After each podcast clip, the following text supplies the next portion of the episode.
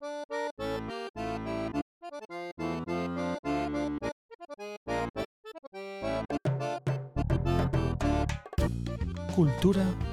a todas luces. Bueno, ou non tantas. Un podcast da revista Luces, dirixido e presentado por Lois Blanco.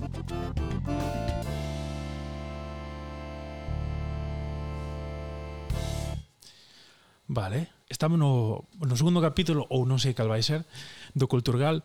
Este podcast, para que vos o, os aibades, chamase a todas luces porque hai veces que tratamos a cultura con máis ou menos seriedade, vale? Incluo isto, polo que decía antes, bueno, estivemos antes na presentación de, de Seixo, que é un proxecto no que está, está traballando Talía Teatro, vale? Que ten dúas fases, das que imos a falar unha, unha primeira de, de investigación no contexto basicamente da Diputación e da provincia da Coruña quides traballar en, en seis centros non? e logo haberá unha, unha segunda fase que será xa un proceso, digamos, de ensaios tradicional dun espectáculo que se vai estrenar en maio, non? Correcto. Eso. Ben, estudiei, non, perfecto. eh, Eh, ben, estamos aquí para falar deste, deste proxecto que basicamente eh, trata o tema da pornografía nos, nos adolescentes que é un tema como como falábamos antes que eu incluso personalmente antes estivemos en, en un centro en, en Lugo facendo un espectáculo e ao volver Pablo e eu o meu socio falamos desto e de repente dixemos, wow, que maravilla, ¿no? Porque xusto viñamos dicindo, claro, que rapaces agora, non sei que, non sei cuantas e tal. Eh, Bueno, presentádevos, que eu xa falei moito. Que, quen está aquí? Vamos por orden. Vamos dende, dende Bárbara Caralá.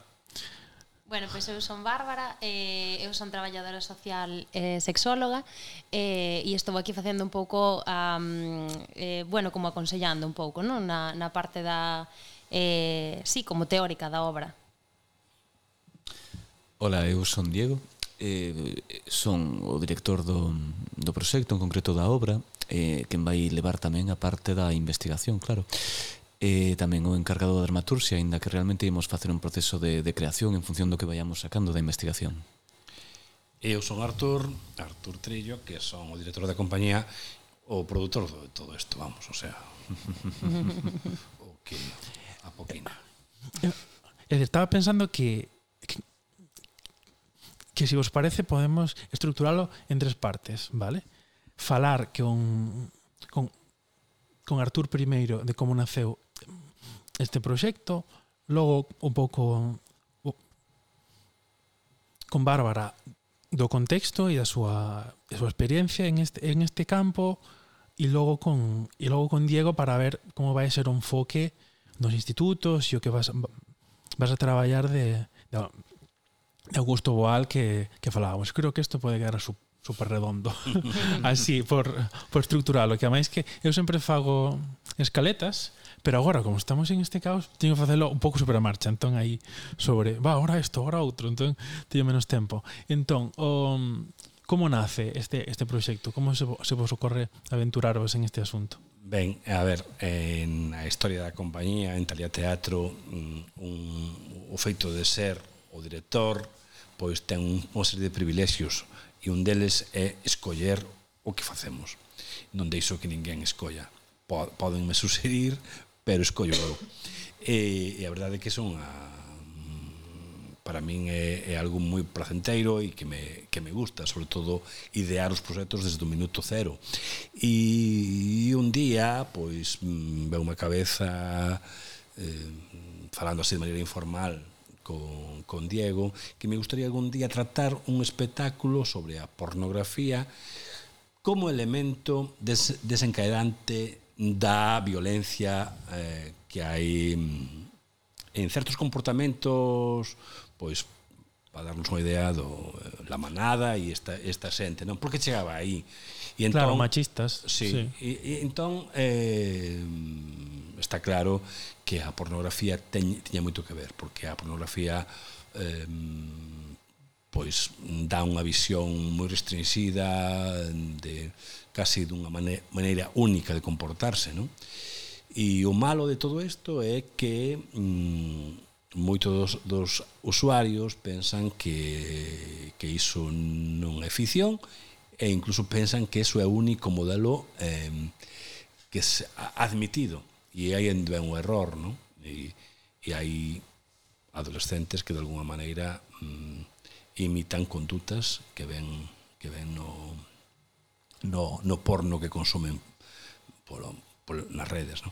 E entón posámonos en marcha a hora de pensar que ese, ese proxecto tiñemos claro de que había que contar um, ca punto de vista dos adolescentes e eh, para eso pois ideamos esta fórmula que é as dúas fases, producir un espectáculo sí, pero antes que haxa unha unha toma de contacto con cos, cos, con esos adolescentes, non? e incluso estratégicamente pois plantearlles que nos axudasen. Cando, moitas veces os adolescentes cando llevas cun cun elemento, cun algo de corte didáctico, pois amostra un rechazo, non? Que me, que, claro. que me queres dicir? Que me queres ensinar? Pois eu, eu vou estar a contra. Pero, de alguma maneira, a clave mmm, vai ser botádenos unha man con isto.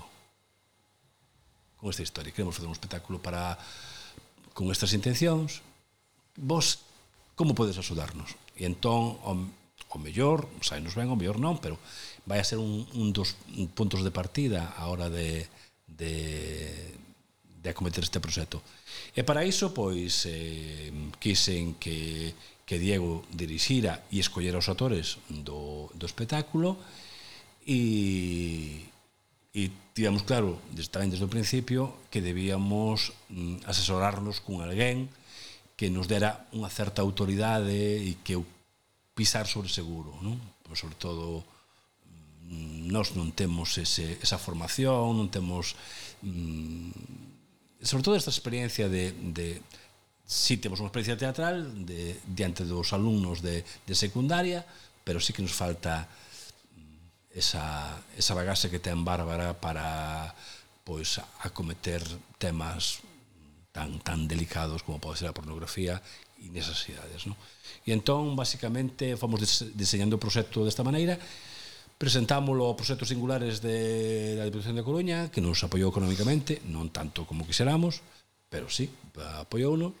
E, bueno, eh, ao mesmo tempo, o AGADIC, a Asencia Galega das Industrias Culturais, pois apoiou a produción do espectáculo a través dun proxecto que lle presentamos para o ano 2024-25 eh, que convoca todos os anos a, a Gadic e entón, bueno, pois pues estamos eh, xa con todos os elementos en riba da mesa dispostos para empezar agora en Xaneiro eh, a, a leválo a, adiante. En, na primeira fase pois, pues, acometeremos ese foro de teatro que chamamos donde seis centros de ensino da provincia da Coruña van a mm, vai a ser o espazo, vai a ser o, o lugar de encontro con eses adolescentes e trataremos de ao mesmo tempo que facer ese teatro foro pois eh, sacar en limpo pois unha serie de datos, unha serie de, de material que despois levaremos a escena en no espectáculo que estreamos en maio. Para min, a, bueno, unha das unha das claves, pero entendo que é o que máis que é como como se aborda algo tan pudoroso e como como se pode conseguir que que nunha fase tan complicada vital e tan de pecharse para todo e tan de, de inseguridade, como se pode digamos gañar este esta batalla, porque é unha, é unha batalla moi que o máis fácil é perder, porque si algo está tan a man No teléfono, como se, como se leva este tema, Bárbara? Así, fácil. Así fácil, eu penso que sendo naturales. O sea, eu creo que claro. é algo que, por moito que ti estés formada non en sexualidade, en xénero, e que para nós sexa como o noso día a día, o sea, para min claro, falar de sexualidade para mí non é nada mm, raro porque é o noso día a día, pero mm. sí que é verdade que cando te achegas aos centros educativos ves as caras, non? Dos rapaces, das rapazas, incluso do profesorado. Eh, e as reaccións, contanche reaccións que teñen de profesorado que a millor eh, teñen pillado directamente eh, a alumnado vendo mm, cousas no teléfono, non? Eh, directamente, o sea, a súa resposta é, bueno, eh, xa falaremos, o sea, ou non falaremos, eh, non, eh, non sei abordar este tema, porque tampouco teñen ferramentas, entón, eh, bueno, pois deixámolo correr e non solucionamos nada, non? Entón, eh, creo que a nós, polo menos a min, a nivel personal, o que sempre me funcionou foi a naturalidade, e sobre todo tamén contar experiencias propias, non propias nosas, como que non vexan que é algo que que ti levas unha teoría e non o aterrizas nunca, non o contextualizas, non, non o traes á súa realidade. Entón aí é cando desconectan totalmente, non sabes porque non ven a aplicación do que ti lle estás contando á súa realidade, ás súas vidas cotidianas, nin aos seus problemas. Entón, mm, creo que tamén, polo menos eh, eso volvo a repetir que é a min, non? Eh, a nivel personal, eh, moito sirveume tamén eh, estudiar isto para poder eh, tamén eu sacarme de, o sea, a min mesma prexuizos non que tiña moito arredor da sexualidade ou que tiña reparo en falar etc. E penso que esa é unha clave sabes falar como desde o teu tamén desde vale, si sí, eh, teorizamos porque estudiamos na universidade etc. pero mm, isto mm, ten unha aplicación na vida real e pasache a ti, pasa a min e pásanos a todo o mundo porque todo o mundo vimos da mesma da mesma falta de educación hai algo claro dende o dende o teatro que tamén é o que o que coñezo bastante, boto en falta que os que os rapaces e máis agora cos teléfonos lles costa moito expresar o, o que o que sinten e o que lles pasa, ¿no? Uh -huh. Boto en falta e algo que bueno, sí que é certo que a música está está integrada na secundaria, pero o teatro non. Entonces, o ferramento, co, decir, o, o teatro como ferramenta social, non digo xente que se quere dedicar a eso, nin que quere dirixir nin interpretar, sino como ferramenta pura de, eh, mira, eh, gustasme, xa está. Non, non teño que mandarche un gif, un enlace, nin nada, sino, mira, que me pasa isto e, e me abre e xa está. Non ten ese, ese punto, pero cales dirías ti, é dicir, cales son os, os problemas que podes ver nos, nos contextos os, agora mesmo dos, dos rapaces? Cos, Mm. Claro, cos que igual vos vos atopades ali como estamos na, na previa. Uh -huh. O sea, eh, dis, eh, refiriste sobre todo a nivel sexual, non? Así claro. como as dificultades. A ver, eu penso que... Mm, mm, sobre todo, unha cousa importante é como que vivimos moito aínda desde o mito do amor romántico, desde os mitos do amor romántico, o sea, rapazas estamos super educadas en eso, non? É, é eh, continuamente unha eh, pedir amor, non pedir atención, pedir bo trato, etc. E os rapaces están centrados en, eh, en no porno, o sea, no porno e, e Bueno, e tamén en ser follar, aceptados, non? Claro, claro, pero tamén entra aí tamén o tema de ser aceptados moitas veces, porque como teñen tamén máis eh, bueno, eh, como esa esa mm, non sei se esa imposición, non, como de ser eses eh, ser machos, por así decirlo, non? Entonces eh mostralo tamén diante do resto e aínda que ao mellor non o sexan ou aínda que non sexa o seu desexo, eh mostrarse así, ten un precio a pagar non mostrarse así diante do resto dos rapaces. Entonces, penso que unha problemática que eu estou vendo é esa como saber vincularse ben, como saber vincularse con bo trato, é unha cousa precisamente que viñamos falando antes Diego e Maiseu, é o de como saber ligar hoxe en día. Preguntan moito sí. se os piropos son machistas ou como acercarse a unha rapaza que che gusta sin invadila, sin invadir o seu espacio, por exemplo. Mm.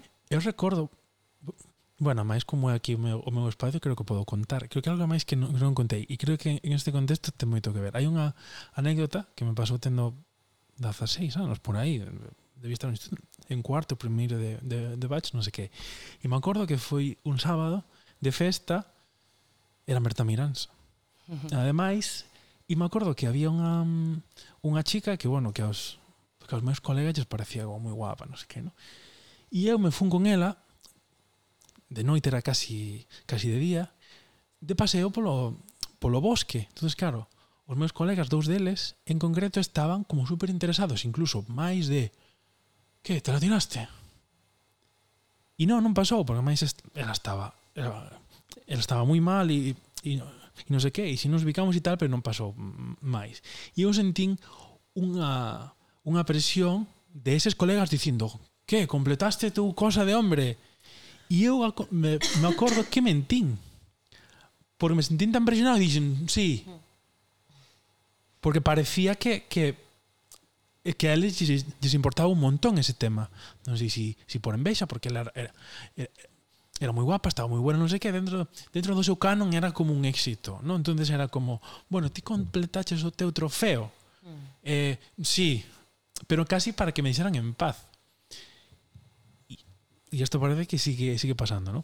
Eh, claro, como ademais antes dices que estaba ben contar cosas cosas mm. coas personais, pois pues mira, eh E me acordo que fora un tema que incluso que foi unha discusión logo cos meus colegas, porque eles incluso se, se enfadaron moitísimo cando eu dixen, pois pues, si, sí, era, era mentira, se cabrearon moitísimo comigo, como se si fora algo que era cosa miña, en todo caso, non era cosa deles, é unha experiencia miña, no, pois pues non sei que, se cabrearon moitísimo comigo, tivemos un, un lío que en realidad non, non tiñan por que, por que ser así, non pasa nada. Si, si a, se a verdade era esa, pero é verdade que como como adolescente tiven a cousa de, bueno, pois pues voto balóns fora. Eu non me atreven a decir, no, non quero decepcionar aos meus colegas, compañeros de equipo de baloncesto, moi guai todo, a decir, no, non son tan home como vos pensades, no?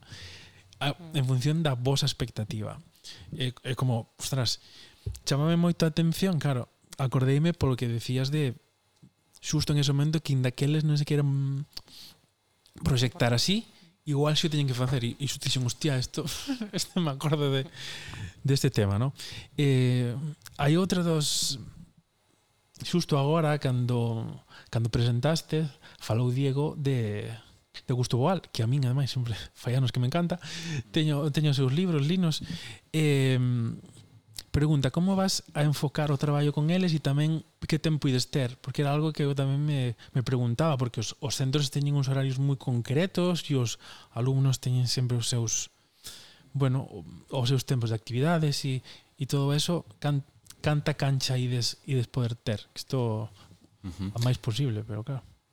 Ben, vou empezar por esta cuestión que faz dos, dos tempos, porque mm, realmente ímonos adaptar, ímonos adaptar aos centros. Eh, haberá centros, porque realidades son moi distintas de, dun sitio, dunha poboación a outra. Hai, temos que establecer un máximo de alumnado para, para cada clase, pero non é o mesmo un alumnado dunha clase con 12 alumnos que mm. 20 que queiran mesturar dúas clases, e iso tamén vai afectar a duración e temos que adaptar tamén a, a duración das clases lectivas. O ideal para nós sería un, propoñer unhas cifras idóneas un grupo de 12 alumnos, 15 alumnos como moito, en dúas horas lectivas. Pero bueno, é o que digo, iso aínda non está pechado, aínda temos que pactalo con cada centro. Claro.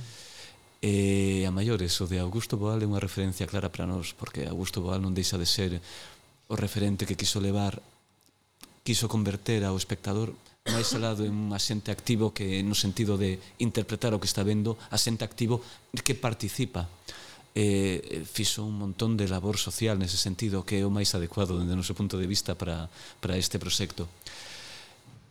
Viña tamén, antes falábamos disto, Bárbara Maiseu, mira, en, sería ideal atoparnos cun, cunha escola, cun centro, cun grupo de alumnado que fora tan participativo que nos permitira facer actividades teatrais no que nas que elas e eles participaran e foran actores, intérpretes e puderan actuar Eh, non, non, non vamos a ir en contra desa idea. Ese é o objetivo máximo deste teatro foro. Pero plantexamos situacións onde os dous intérpretes do espectáculo Marta e, e Dani neste caso no foro van plantexar algunhas situacións que nos consideremos adecuadas como punto de partida para que eles activamente poidan plantexar solucións e resolvelas. Eh, mm. nos trataremos de improvisar, actuar con elas, con eles, invitando a que dean a súa opinión. Interésame moito tamén o feito de que vamos fuxir do didáctico ao pedagóxico. Están de volta e media. Sí, oh. Dicía a filla dun amigo meu, ah, outra clase de sexo xa con cansancio. Pois iso é interesante, están de volta e media de que lles, eh, deses didactismos. Nos queremos usalos eh, no bo sentido da expresión para que eles nos ensinen cal é o seu punto de vista ao respecto. Pornografía vai seguir existindo, sexting vai seguir existindo, van seguir compartindo imaxes entre entre elas e eles. A cuestión é cal é o seu punto de vista, compartir e poder poñer sobre a mesa diversas cuestións. Falamos de inseguridades, que son as inseguridades da adolescencia que hai agora e houbo sempre. Só que agora están públicas, están expostas públicamente. Teñen a posibilidade de mandalo a redes a todo o mundo. E iso todo un toda unha galaxia nova para, para nós como sociedade. E un pouco incidimos nese, nese punto. O espectáculo tirará por esa idea. Tamén polo, pola teatralización da, tanto da realidade social como da sexualidade en particular. As expectativas son máis fastidiadas agora que non é fácil distinguir na pornografía que é ficción e que non, non é. Claro. Que tan difícil debe ser agora afrontar certas cuestións se pensas que a sexualidade debe vivirse de determinada maneira hai xogos sexuais que practican na adolescencia que eu estou empezando a descubrir agora por investigación que me deixan moi impresionado. Eh, e ten que ver un pouquiño con que iso é ao que acceden, a manada a, que todos coñecemos, as manadas que hai por aí. É curioso, eu deixei de usar esa, esa palabra uh -huh. a raíz deso. Mm. Porque eu antes sí que usaba, pero claro, como, ai, mira, vai unha, unha manada de non sei que. Como unha idea animal, claro. Pero hubo un, o momento que esa, esa palabra para min dixen non saltaba a cabeza e digo, non, non, non, isto non o vou usar. Inda que, claro, non tiñan que ver os contextos, pero es, esa palabra pasou a estar como contaminada de non, non, non, isto non o vou tocar. Entonces sempre buscaba como sinónimos. Bueno, aí vai un grupo de non sei que, ou iba non sei cuantas. Tiña este punto, non?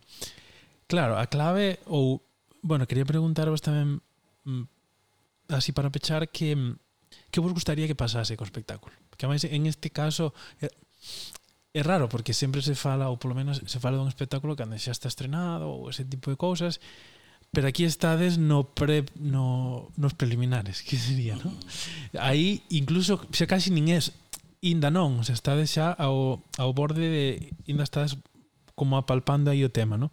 Pero a nivel, logo xa sabemos que que non pasa, pero que vos gustaría a nivel ideal que se que se conseguise con este con este proceso, é dicir, que si vos si vos pregunto no mes de no mes de maio que, que o faremos, pasou, que non pasou de isto, así se nos citamos.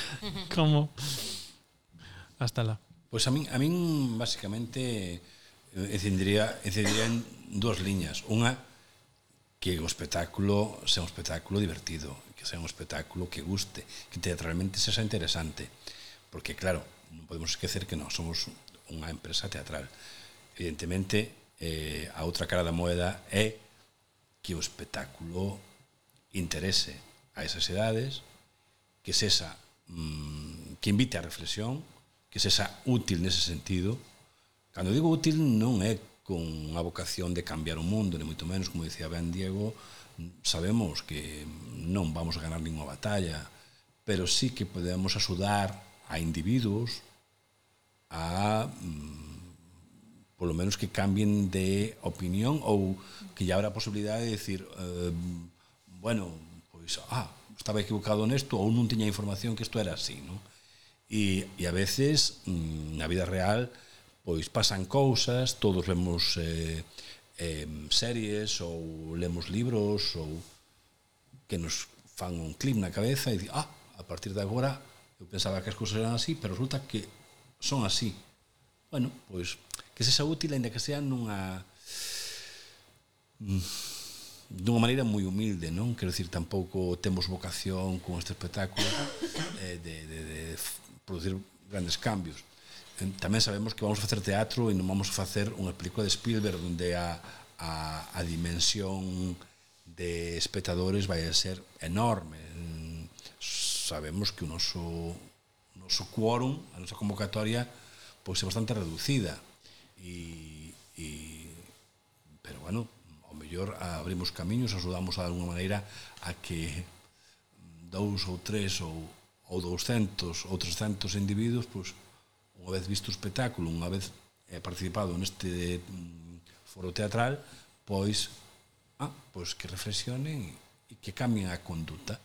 Claro, que logo as cousas en pequenos, eu penso que os logros de verdade se dan eh, en pequeno, que dizer, me acordo de un, de un taller que fixeran un instituto e aos dous, tres anos me escribiu unha, unha chica que estivera en aquel taller e me dixo, boa, Lois, decidín ser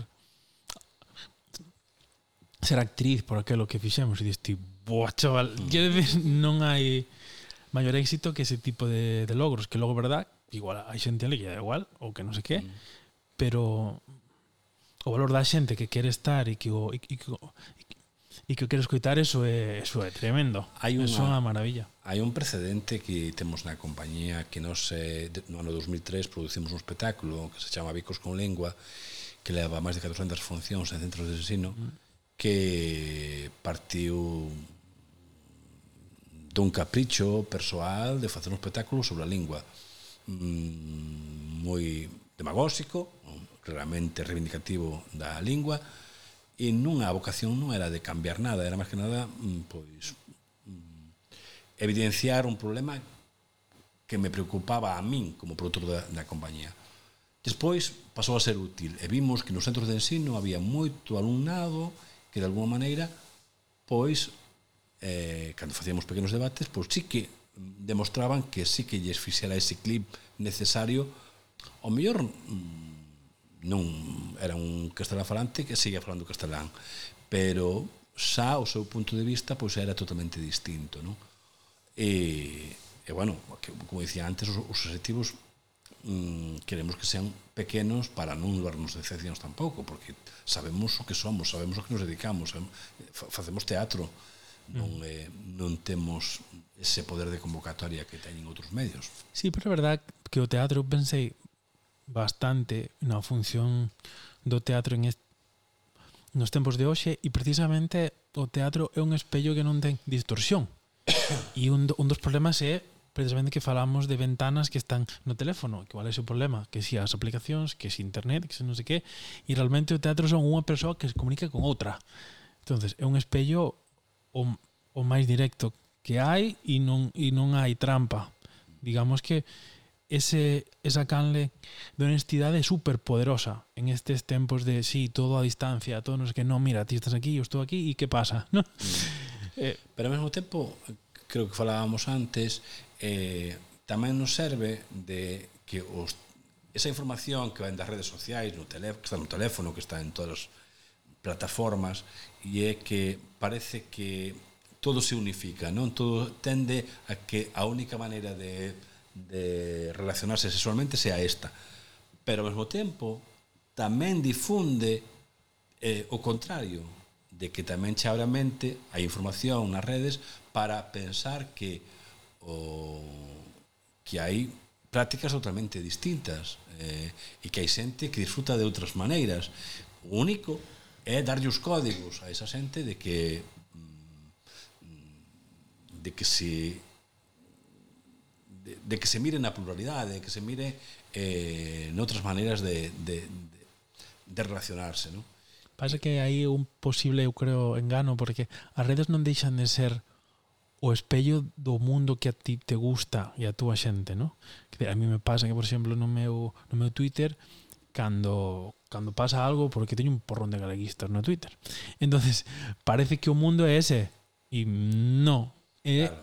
o que eu escollín. entonces claro, sí, sí. Eh, si, si hai xente que pensa que eso é o mundo, uh -huh.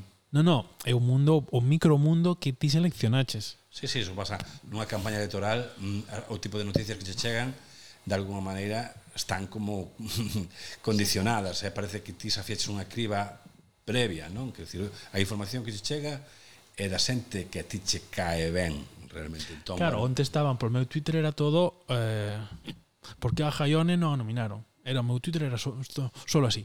E por que Jaione non está? E por que Jaione non está? E eu dicía, pois pues, sí, podes estar de acordo, pero pero claro, eso seguro que onde rapaces non lle sale, non saben nin quen é Jaione, nin quen sí, é o Corno, nin sí, que sí, é, sí cornos para eles igual é outra cousa.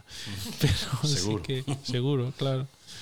É un micromundo. Pero claro, temos a idea de, no, este é o mundo, vos estás a ver o mundo. No, espera, porque ti tes un filtro, e tes os gustos... Tes Pero aí, aí un poquinho está a nosa función, a función. Que decir, un, poquinho, un dos objetivos é mm, incidir nese tipo de posibilidades que ten oh, a, as relacións humanas, non? De, mm, si, o teu entorno diche que é isto, pero ollo, é como cando miras un mapa, non? E interaccionas e ponte máis longe, verás moito mellor onde estás, non? A veces para, para ver mellor cal é a tua localización, tes que empezar no mapa vendo o continente, Europa, pa, ah, Pois estamos en, non sei, estamos en, en Alemania, agora acércome, pero antes non, non tes datos para saber onde estás, non? E entón, moitas veces vivimos un poquinho o que comentabas antes, non? O teu entorno é o que che condiciona, é o que che mediatiza para pensar como pensas e, e sobre todo invitarche a que te mintas, a que te mintas ti, non? Pois isto é, isto é a única maneira de proceder é esta, no meu entorno é esta. Mais alá de, de que estea ben ou que estea mal, non? un comentario yeah. de, de bolos dous e e un e pechamos que está guai. Eu son un defensor de que o teatro sirve moitísimo para abrir perspectivas. Eh, o teatro, calquera manifestación artística ten esa capacidade, pero o teatro sempre estivo vinculado para min a unha cuestión social. Se realmente o acabar un espectáculo conseguimos como, como compañía, como asentes creadores, eh, conseguimos que alguén empece a masinar, a darlle voltas a unha idea que non tivo antes sobre un determinado tema, xa é unha gran victoria. Mm. Sen máis, xa non digo convencer que non é unha palabra que me guste, simplemente abrir debate. Se o sair dunha ao acabar unha obra, dúas persoas que foron xuntos a vela ou non, van a un, a un cafetería, a un bar e teñen unha conversa sobre ela, é, vamos, unha maravilla. Dume por máis que satisfeito. E tamén penso algo sobre este espectáculo, sobre un obxectivo e un desexo, pero creo que lle vou pisar a Bárbara, se o digo, así que vou bueno, digo, digo, que a mellor eu digo, pois pues, suscribo. este espectáculo, claro. o desexo, este foro, eh, unha gran finalidade, unha gran función é naturalizar certas cuestións. E aí cedo a palabra. eh, pois pues mira, eu iba a decir que para min creo que un obxectivo sería como, mm, bueno, sentir que, que tamén o alumnado se abre, non con nós. Mm -hmm. O sea, eso sí que me parece como mm, moi interesante, porque si que vemos eh, moitas dificultades, o que decías ti, moitas dificultades para comentar, para abrirte, para eh, decir o que realmente che preocupa, non? E é máis en este tema, que é algo pois que, mm, bueno, eu preguntei onte, por exemplo, a man alzada, cantas persoas das que estades aquí hoxe na aula eh, falastes con vosos pais ou con familiares, dame igual, eh, ou persoas maiores eh, que sepan xa un pouco máis que vos sobre a sexualidade. E levantaron a man tres persoas, non? De cantas? eh, non sei, de 40 ou así. Claro, un eh, porcentaxe eh, baixísimo. Claro, claro, home, do, do desexable do, do, sí, do desexable é moi, é moi baixo, non? Eh, entón, para min sería como eso, como sentir que se abren e por outro lado eh, encontrar ese feedback que necesitamos de, de nós como maiores e como, como adultos ese, o que decíamos antes de que este non é o mundo non eh, o millor nós falando con eles e con elas e facendo este proxecto entendemos un pouco máis a problemática, entendemos un pouco máis por onde ir, por onde atallar. A min, claro, como, como educadora sexual en este caso, non? Eh, é o que, o que máis me, me parece que me serviría. Eh, sí, como en, entender un pouco máis desde dentro, porque non temos esa normalmente vamos e co pouco tempo que temos, pois damos nosa sesión, un pouco nós a metodoloxía que temos intentamos eh, eh, traballar desde o que pensan, pero a veces non tes tempo eh, para escoitar todo o que pensan, todo o que sinten e tampouco tes a posibilidade de ofrecerlles un espacio se, o suficientemente seguro para que se abran. Entonces, eh, para mí sería un regalo eso. É que estar, quer decir, in, e algo entendo eu que nunca sempre descubres cousas, non? Pero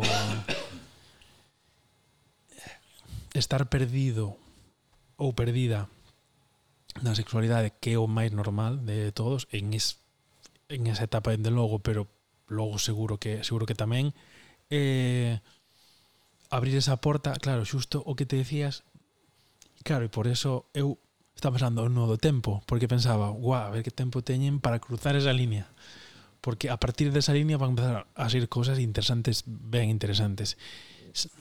Claro, si non é moi complicado se hai se hai barreira Pero claro, precisamente con, con este, igual que con calquer persoa coa que coa que te pones a falar do tema necesitas tempo e confianza porque non se confesan de, de, de determinadas cousas fácil.